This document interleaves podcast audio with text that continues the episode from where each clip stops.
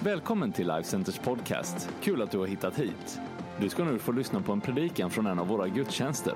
Du är alltid välkommen att besöka Life Center. All information du behöver hittar du på lifecenter.se.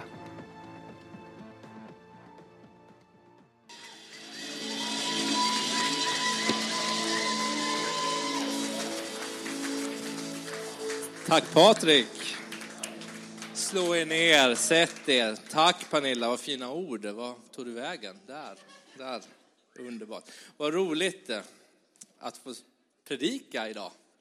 Jag är taggad. Jätte, jätteroligt. Jag vill börja med en dementi först. Eh, jag var ju här förra veckan. För er som var här såg att jag hade en sån här mitella. Eh, jag har ju fraktur i armbågen. Jag vill bara dementera det här ryktet som har spritt sig. Förra veckan, för er som inte vet, så var det ju första torsdagen i mars. Eh, och när man är från Småland, södra Sverige som jag är ifrån, så säger man första, tors första torsdagen i mars. Eh, och då har det lite grann blivit Smålands nationaldag. Och på Smålands nationaldag, som det nu är sedan 2012, så det är en gedigen och lång tradition, eh, så äter man marsipantårta. Alltså marsipantårta, för er. Eh, och då spred sig ett rykte om att jag halkade på marsipantårta och fick en fraktur i armbågen. Jag vill bara dementera det ryktet. Det halkades inte på en marsipantårta. Jag har gjort precis som alla andra gjorde den dagen. Jag halkade på is och landade på armbågen och har en liten fraktur. Men ser ni, jag är, det går jättebra det här. Så att, så är det. Så är det. Härligt. Är vi överens om det nu? Arild, är vi överens om det nu? Och alla kommer också veta nu att första torsdagen i mars är en betydelsefull dag. Underbart. Är vi redo för predikan?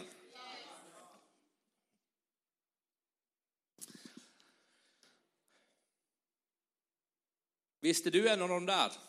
Vi har sett dig tillsammans med honom. Vi, eh, du, du tillhör honom. Petrus han, han står där vid elden och, och vet inte vad han ska svara så att han börjar svära och förbanna. Och säger, jag känner inte honom, jag vet inte vem Jesus är, jag vet inte ens vad du pratar om. Petrus, lärjungen i evangelierna, svarar sådär i en situation i livet. Inte jättestort självförtroende i den stunden, men- men det är så han svarar. Och visst kan det vara som så att, att eh, vi också hamnar i de där situationerna ibland. Är du en kristen? Tror inte du på naturvetenskapen? Hur kan du ha så förutfattade meningar om en kvinnas rätt att bestämma över sin kropp angående abort? Sådana där frågor så kan du och jag personligen ställas inför i vår vardag. Garanterat så, har, så finns det förutfattade meningar om hur vi ser på de frågorna som gemenskap, som kyrka, ur ett yttre perspektiv. Även om det kanske finns en gnutta sanning i alla de här fördomarna, så är det fortfarande fördomar. Och det är inte säkert att du och jag delar samma åsikter i sådana här frågor heller. Det spännande med Petrus i det här fallet är att han var ju ganska självsäker i sig själv om man läser i- i evangelierna innan. Men den här stunden så hade han inte något jättebra självförtroende. Självförtroende. Självförtroende, det är förtroende i sig själv.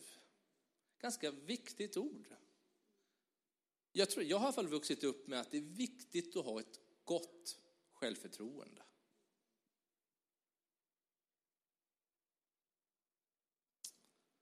Vad säger Bibeln om självförtroende, självkänslan?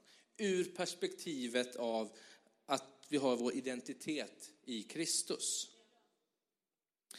Syndare frälst av nåd. Ett begrepp vi känner igen va? Alla människor har syndat och gått miste om Guds härlighet, berättar Bibeln. Och berätt, Bibeln berättar också att alla människor kan få förlåtelse för sina synder. Och det är nog ganska många som ser kyrkan ur det perspektivet. Jag är en syndare som ber om förlåtelse med jämna mellanrum. Jag gör så gott jag kan och i vissa säsonger så går det ganska hyfsat bra. Jag känner mig ganska självsäker, min prestation ökar, mitt självförtroende är ganska bra, sen faller korthuset. Jag kommer krypandes till korset och ber om förlåtelse och bättring. Och så fortsätter livet att rulla på sådär. Men är det en biblisk bild om att vara en kristen? Vissa andra skulle säga så här, nej, nej, nej, nej. Nåd, denna fantastiska, dyrbara, underbara nåden, den täcker våra synder. Så det innebär att du behöver inte tänka så mycket på att du inte räcker till.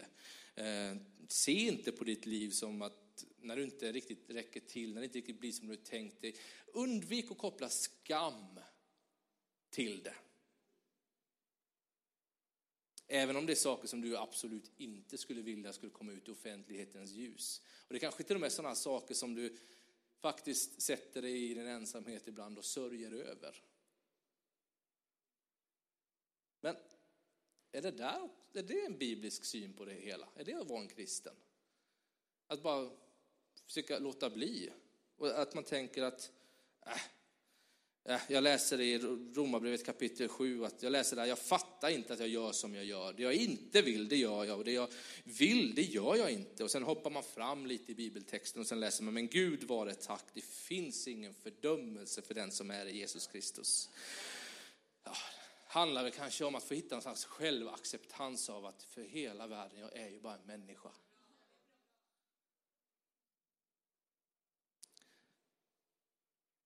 Ska mitt självförtroende baseras på hur jag lyckas eller inte? Behöver jag lida? Behöver mitt självförtroende lida för att jag är mänsklig? Jag är ju bara människa. Det är det andra diket. Om det första diket är att nej, du ska minsann alltid ha lite dåligt samvete.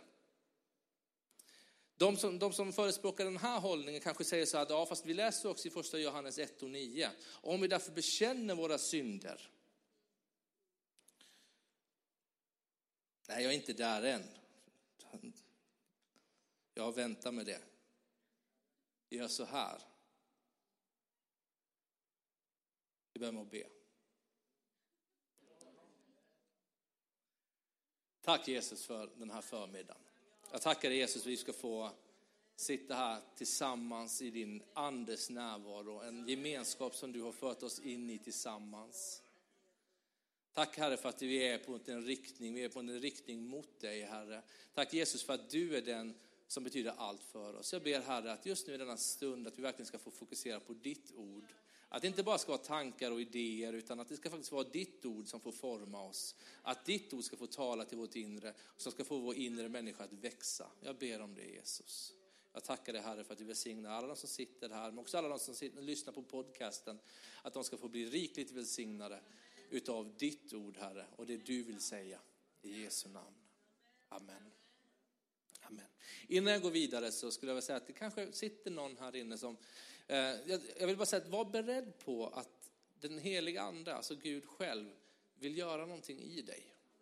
Att han vill komma som den osynliga kraften som han är, att få lägga saker och ting i rätta i ditt inre liv. Att få komma som en kirurg och lägga saker och ting till rätta. Att den här gudstjänsten, det är inte bara någonting för vårt intellekt, att vi bara ska få mättas av ny kunskap eh, och känna ha någonting nytt att, att tänka på, fundera över, få mala och processa, vilket bara är gott. Men att han kanske också vill betjäna dig i den här stunden. Genom också sin närvaro. Amen. Nu vill jag ge mig in i bibelordet. I Romarbrevet kapitel 7, 19-25 så ska vi läsa så här. Jag har redan varit inne på det. Det goda som jag vill gör jag inte. Men det onda som jag inte vill, det gör jag. Men om jag gör det jag inte vill, då är det inte längre jag som gör det, utan synden som bor i mig. I min inre människa glädjer jag mig över Guds lag. Men i mina lemmar, alltså i min kropp, så ser jag en annan lag som kämpar mot lagen i mitt sinne, alltså Guds lag, och gör mig till fånge under syndens lag i min kropp. Jag arma människa, vem ska rädda mig från denna dödens kropp? Gud var det tack, genom Jesus Kristus vår Herre. Alltså tjänar jag själv med mitt sinne Guds lag, men med köttet tjänar jag syndens lag. Det här är lite utdrag från en längre passage där Paulus egentligen tar omtag efter omtag och det blir lätt förvirrat när man läser det här. Så att därför så valde jag att ta ut det, läsa det ganska lugnt och sansat för att kunna få hitta en, en slags poäng i det. Och poängen tror jag är att jag gör egentligen inte det jag vill. Utan jag dras till att göra det jag egentligen inte vill göra. Det finns en inre strid inom mig. Jag glädjer mig över Guds lag, vilket verkar vara det goda och det som jag ska göra. Men jag verkar ha en fallenhet att lockas till det som är ont, alltså det som är syndigt. Det är väl ungefär det som Paulus säger i den här texten. Nu, om vi ser till mina små, eh, små, två stora diken skulle jag säga. Det första är det här att jag lever lite med alltid dåligt samvete. Kanske betona då med första Johannes 1 och 9. Om vi bekänner våra synder är han trofast och rättfärdig. Så att han förlåter oss våra synder och renar oss från all orättfärdighet. Då kanske man betonar att ja, men det gäller nog att ha lite koll på läget. Vilken makt är det i mig som dominerar? Lyssnar jag på Gud eller lyssnar jag på köttet? Alltså det mänskliga, det kroppsliga, kanske till och med det onda. Det andra diket, lite mer sorglösa diket. De kanske hoppar till kapitel 8 och 1 och läser det här att det finns ingen fördömelse för den som är Jesus Kristus. Och betonar att men mänskligheten gör ju mig till den jag är. Det finns inte så mycket mer än att bara acceptera det. Jag tillhör ju kyrkan och det är härligt. Det blir nog bra i slutändan. Kan jag få fram en bild här för att demonstrera? Lite grann det här. Är du en Homer Simpson som har en ängel på ena axeln och en demon på andra och sen så försöker du, försöker du hitta i livet genom att lyssna på rätt. Förhoppningsvis då så håller du dig till ena sidan mer än till den andra. Eller är det lite mer det här keep calm, it's all good? Det är mina två diken som jag vill utgå ifrån.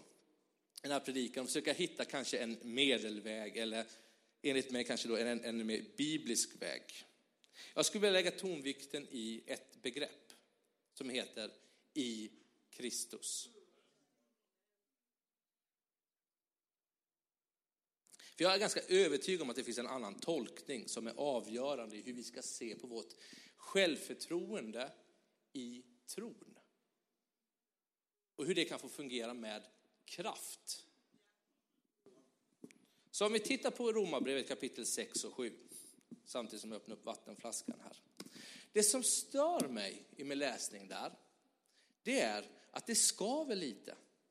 Jag är van vid att läsa Paulus när han säger att det är genom tron är ni rättfärdiga. Att gärningar är, för ingenting till, utan det är genom tron så kallas ni rättfärdiga. Men här så, så skriver han väldigt personligt i texten om en kamp om synden som lever i honom. Det, är jag, det som jag som då, Pernilla påpekat att jag är en teologistudent, alltså en som läser om sådana här saker hela tiden. Börjar reagera på nu, många gånger, jag måste erkänna, jag har givetvis gått i de där texterna också i vissa stunder och bara försöker hitta tröst. Till det här, jag fattar inte att jag gör som jag gör.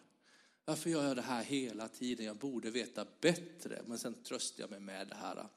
Att man, inte ens Paulus verkar ha koll på läget. Så, att, så det blir nog bra i slutändan. It's all good. Den känslan.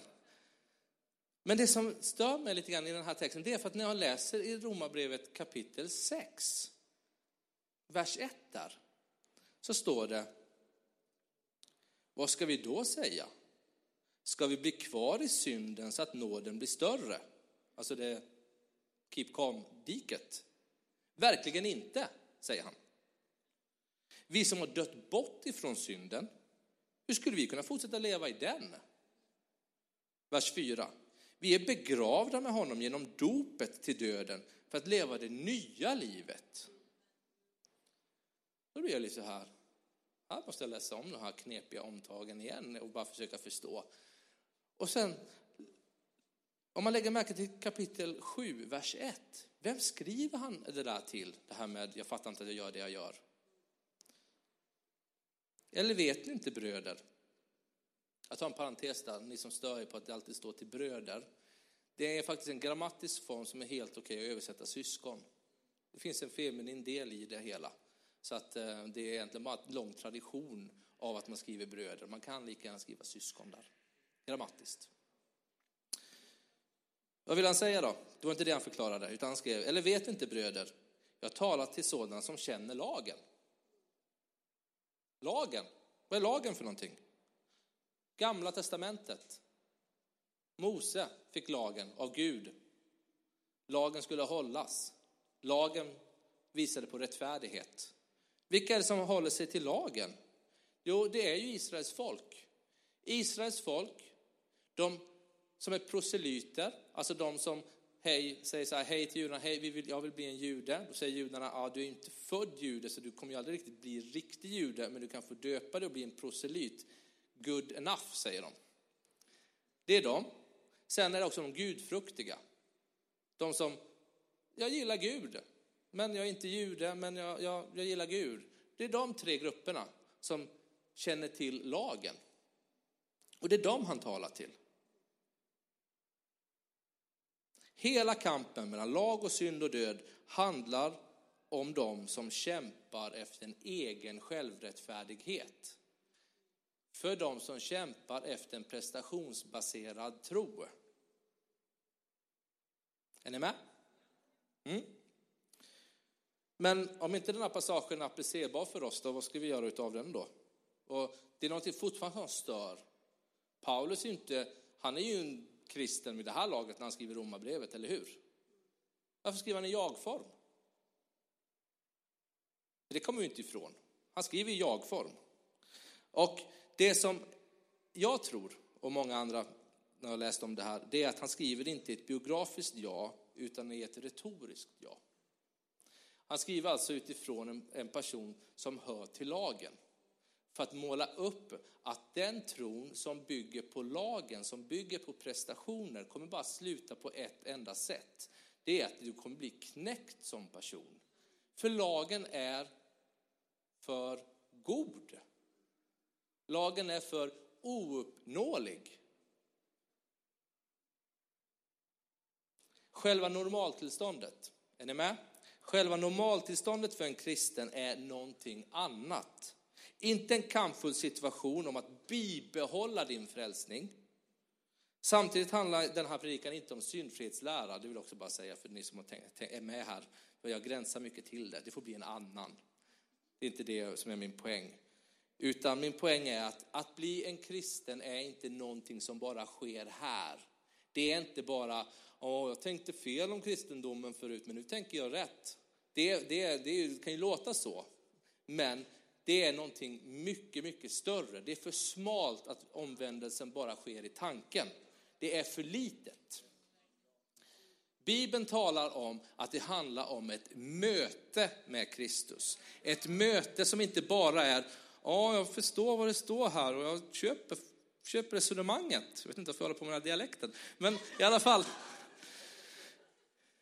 utan det handlar om ett möte med Kristus där du som hel varelse, ande, kropp och själ möter Kristus. Det är så mycket större än bara någonting som är att ja, nu köper jag resonemanget, utan det är att det föds en övertygelse om att Jesus inte bara finns, utan att han lever. Gud som har total kontroll från kosmos ner till minsta beståndsdel, som jag inte kommer ihåg vad som är efter atom längre, har han koll över. Det är därför jag tror att om man ställer frågan till de flesta kristna, vad, vad är det det ger dig att vara kristen? Så är det ganska många som svarar ett ord. Och det är trygghet. Vad är trygghet? Trygghet är en känsla, men det är också ett tillstånd. Trygghet är inte bara en tanke, utan det är faktiskt något som omfamnar en människa helt och fullt. Hur kommer det sig? Jo, kristen tro, det ger en trygghet för en individs hela och eviga existens. Kristen tro ger en trygghet för en individs hela, hela och eviga existens. För Jesus kom till världen både som människa alltså full igenkänningsfaktor med vad det är vi upplever. Han var fullt ut människa. Men han var också fullt ut Gud.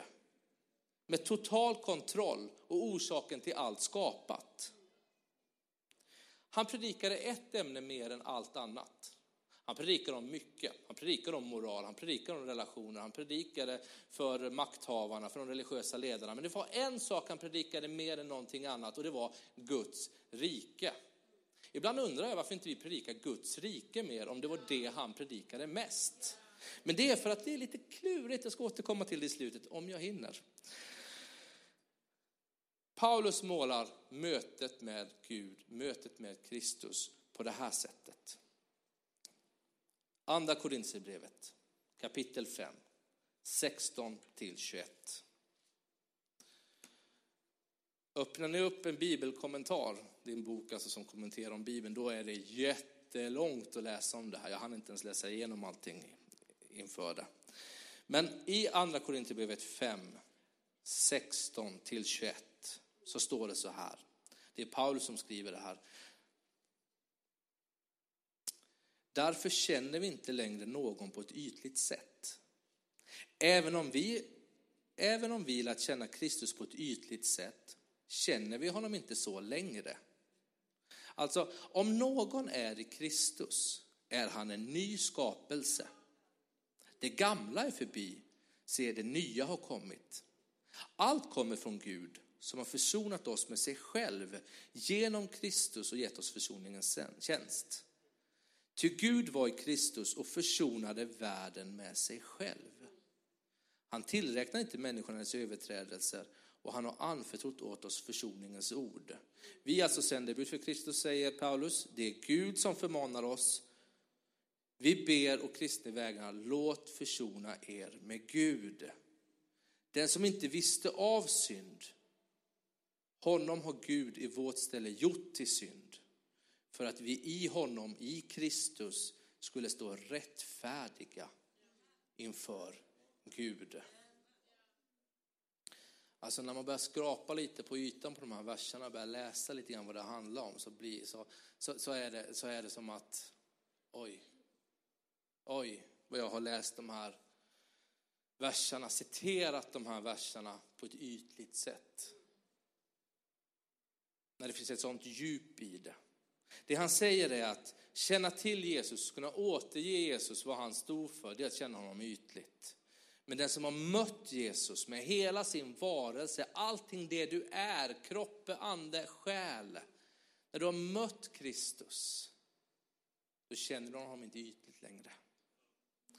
Om du är i Kristus så är du ny skapelse. Det betyder inte bara att det är en ny övertygelse du bär på, utan Paulus talar om att Gud gick ner och hämtade dig ifrån den här syndens makt, världens rike, det förfallna, det som går sönder, det som inte håller, det som inte funkar, det som är, gör det helt ouppnåeligt. Han tog dig därifrån och ställde dig i Guds rike. Och Guds rike är inte bara liksom en bättre plats, utan Guds rike är ju det som Jesus kom och sa att Guds rike är inte riktigt här, men så nära här så att det nästan inte finns någon grammatik för att översätta det. Om ni skulle läsa folkbibeln, 98, 1998 års översättning 2015, så ändrar de lite grann från att Guds rike är nu här till nära. För att det är nog bättre så, för att det är ju det här problemet. Guds rike är nu här eller nära. Ja, båda är sant. Det är här, men ännu inte riktigt fullt ut. Sanningen är den att du blev tagen därifrån och placerad där. Och det riket är ingenting som bara är en bättre plats för stunden, utan det riket kopplar ju an till det eviga riket. Dit vi alla kommer den dag när vi, när vi dör om vi har en tro på Jesus Kristus. Redan i det riket vandrar du och jag som är i Kristus. Det är det Paulus målar upp i den här texten och det är det som blir så stort. När jag förstår då att här, jag, jag, står inte på samma mark längre som jag stod på tidigare. Jag kommer förtydliga det här mycket mer, för det här är nog hela min poäng med predikan. Från syndens makt till andens makt. Det betyder inte bara att, det, att, när du ber om förlåtelse för dina synder att Gud säger ja, ja, absolut, jag har sett vad du gjorde, jag förlåter dig. Keep on going. Bli bättre. Det är inte det han säger. Det är inte bara en friköpande dom, för det som händer i stunden, i mötet med Kristus är att det handlar inte om en acceptans, utan det handlar om en adoption. Det handlar om att du blir kallad ett Guds barn. För att, från att Guds dom som ska föras ut över världen till undergång, ganska allvarligt, till att vi som är i Kristus kan säga Gud. Paulus säger så här i Romarbrevet 8, 14-15. Alla som drivs av Guds ande, tagna därifrån, placerade där, är Guds barn. Ni har inte fått slaveriets ande, så att ni måste leva i fruktan. Det här med undergång är ganska kopplat till fruktan givetvis. Men inte leva i den fruktan. Nej, ni har fått barnaskapets ande. Och i honom kan vi ropa Abba, far. Abba, arameiska, det är tungomålet, det språket som Jesus själv talade det betyder pappa Gud. Vi kan ropa pappa Gud. Anden själv vittnar med vår ande att vi är Guds barn. Du som är en van bibelläsare, eller kommer nu bli en van bibelläsare, kommer säkert läsa de här ställena där det står att du har fått anden som en handpenning, anden som ett sigill eller anden som en garant, beroende på om du läser Nubibeln, folkbibeln eller bibel 2000. Det innebär att precis det här den beskriver. Du har alltså fått en förlovningsring, du har fått eh, ett garanti, du har fått ett sigill, du har fått en, den heliga ande i dig som ett tecken på att du tillhör redan Guds rike nu. Oerhört viktigt att vi förstår det här. Att bli en kristen är inte bara att be om syndernas förlåtelse gång på gång. Det är inte heller att det bara görs en gång och sen det kommer nog bli bra ändå. Gud är inte på distans. Han är nära. Alla som drivs av Guds ande, det tyder på att det är ganska nära. Mötet med Kristus påverkar hela din varelse. Vår kyrkas vision är människor som upplever livsförvandling. Det är precis det som jag har målat upp. Livsförvandling. Vadå? Jo, livsförvandling för dig själv. Livsförvandling i hur Gud ser på dig. Från att egentligen kunna vara den som kanske säger, gå bort ifrån mig, jag känner dig inte, till att vara den som står emot, stå, eller egentligen springer mot dig med öppna armar och tar emot dig. Oavsett vilket skick du än kommer i, så tar han emot dig. Jag alluderar ju till eh, den förlorade sonen, eh, givetvis där. Men det är för att du är ett Guds barn som han gör det. Okej, okay, en reality check då. Hinner jag med det? Ja, det hinner jag med. Varför kämpar man då med synd om det är så starkt att man har blivit uppdragen från synden till placerad i Guds rike? Varför har jag fortfarande de här begären och lockelserna och allting? Ja, tyvärr är det fortfarande en strid. Men dina förutsättningar har förändrats totalt. Du är inte under syndens makt längre, men bindningen och begären kan finnas kvar. Men om du är en kristen eller inte, det är en icke-fråga för Bibeln. Du är inte en syndare om du är i Kristus. Du är en kristen med en prövning. Misslyckas du med den prövningen så är inte du en syndare. Utan du får en ny prövning i Kristus. Du kan inte göra någonting för att Gud ska älska dig mindre. Du kan inte heller göra någonting för att Gud ska älska dig mer. Att vara i Kristus är inte längre den maktkampen om vem det är som bestämmer över dig. Det är inte maktkampen om synden och Gud i ditt liv, utan råder Guds ande över dig så är det han som bestämmer över dig. Den kampen du kan uppleva i ditt liv, det är en strid som du behöver bjuda in Gud in i. Maktkampen har blivit en inre, inre stridighet. Gud kanske inte tycker om allting det du gör. Det är ju så. Han tycker inte om allting det vi gör. Men det kommer aldrig någonsin kunna påverka din ställning i Gud. För i Kristus så finns inte ett både och förhållande om vem som har makten. Om Gud har makten i ditt liv så är synden död.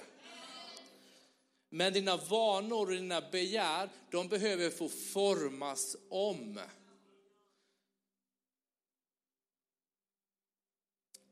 Väldigt förenklat svar. Jag vet att det är ett väldigt förenklat svar, men har du Gud i ditt liv så behöver du inte ha det andra längre. Det är väldigt förenklat. Jag vet att det är en process kring det. Jag vet vissa som, när de möter Kristus så, så, så försvinner alla, alla begär, kanske missbruksproblematik sånt. Jag har träffat dem som har kunnat gå därifrån och bara säga jag är fri. Jag har också träffat dem som får en process, som får söka hjälp, som får förändra sitt tankesätt och försöka förstå och försöka komma över och få ta emot den hjälp som behövs för att kunna bli fri. Gud är med i det, för du ska välkomna in honom i det. Det handlar inte om om han accepterar dig eller inte, utan han är med dig i det. Jag känner de som också har problematik som jag, ärligt talat, jag vet aldrig om de kommer bli fria ifrån det. De kommer säkert få ha det så länge de är här på jorden. Men när Guds rike slår in fullt ut så är vi alla helade från allt som, som inte ska vara där. I Kristus är du försonad med Gud. Under pingstpastor så fick gästtalaren Irving McManus en fråga om hur slutar man synda? Och han svar bara, har du full, tillräckligt fullt upp så slutar du med de mest, flesta sakerna. När ditt liv får ett högre syfte, när ditt liv får, när ditt syfte blir så viktigt, då slutar du upp med ännu fler saker. Låt mig avsluta med det här. I Markus 4 och 30 så står det så om Guds rike. Guds rike kan vara svårt att förstå för han talar ju bara i liknelser om det. Det är någonting, som, det är någonting litet, det är någonting som växer och utbreder sig, det är någonting som tar fart, det är någonting som blir stort och vackert. Men det är liknelser. Men så här står det i Markus 4. Och han sa till dem, alltså Jesus, vad ska vi likna Guds rike vid? Vilken liknelse ska vi använda? Det är som ett senapskorn. Man sår där det minsta av alla frön, men när det har blivit sått och växt upp så blir det större än alla andra köksväxter och får så stora grenar att himlens fåglar kan bygga bo i dess skugga. Nu är det som så att ett senapsfrö är inte det minsta fröet och det är inte poängen. Och ett, även om Jesus säger det, men det är inte poängen. Det, det är en köksväxt, det blir inte ett träd som man säger, det är inte heller poängen. Poängen som Jesus säger där, det är att det lilla, lilla, lilla, lilla fröet. Det lilla, lilla fröet. I det här lilla, lilla fröet så finns det en sån otroligt stor potential att få växa upp och bli det som det är tänkt att vara. Det ligger redan i det här lilla fröet. Det viktigaste för oss, det är om vi lyckas att placera det här lilla, lilla fröet i en jord så att det får slå rot och börja växa om du och jag försonar oss med Gud så kommer det beslutet att få växa och bli någonting stort och vackert i Guds rike. I ett rike som inte tar slut när livet tar slut här utan som, som påbörjades här, som fortsätter in i en evighet med Gud. Inte med den kroppen vi har och det är vi tacksamma för, vissa utav oss, andra är kanske inte. Men eh, det är någonting nytt. Men din inre människa, din inre människa kan kliva in i Guds rike här och nu. Det börjar med att man tar emot Jesus med en bekännelse om att han är den här guden. Den enda guden. Om vi bekänner att vi klarar inte av det här själva. Det är en synd det vi lever i för att det är otillräckligt. Det är en brist. Och vi vänder oss till dig Jesus. När vi vänder oss till dig Jesus och låter få det, då händer det här mötet med Kristus som är så mycket större än vad vi känner eller vi erfar, men det tar hela vårt inre. Drar oss ifrån bristfälligt rike och placeras in, in i Guds eviga rike här och nu, in i en evighet. Ska vi ställa oss upp?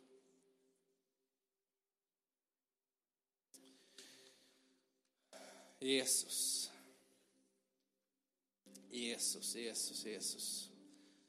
Jesus, du som inte hade någon synd, du som inte hade någon brist, du som inte hade något fel.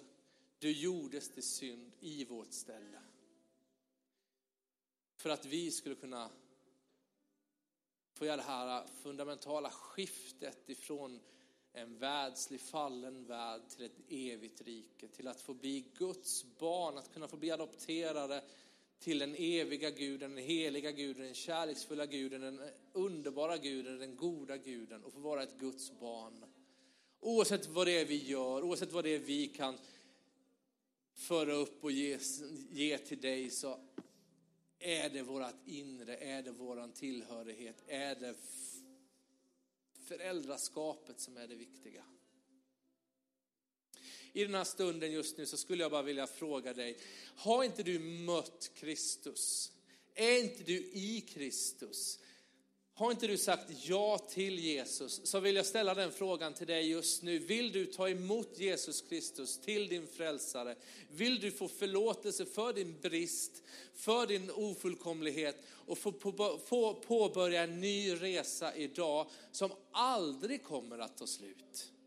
Som kommer att föra dig på helt nya, nya nivåer, helt, helt nya förutsättningar att få bli en kristen som är i Kristus. Jag kan inte se att det finns något bättre sätt att ha ett självförtroende som får vara rotat i Kristus än att få försöka bygga upp ett självförtroende som bygger på mina egna prestationer. Finns du här så skulle jag vilja be för dig. Då gör vi som så enkelt att när alla blundar här, då skulle jag bara vilja att du räcker upp din hand Räck upp din hand, att, du, att jag får se den, framförallt att Gud får se din respons. Att det får bli ditt ord på att ja Jesus, jag vill ta emot dig. Jag vill bli en kristen, jag vill vara i dig. Är du här nu som vill göra det så skulle jag vilja räcka upp din hand här och nu. Här och nu.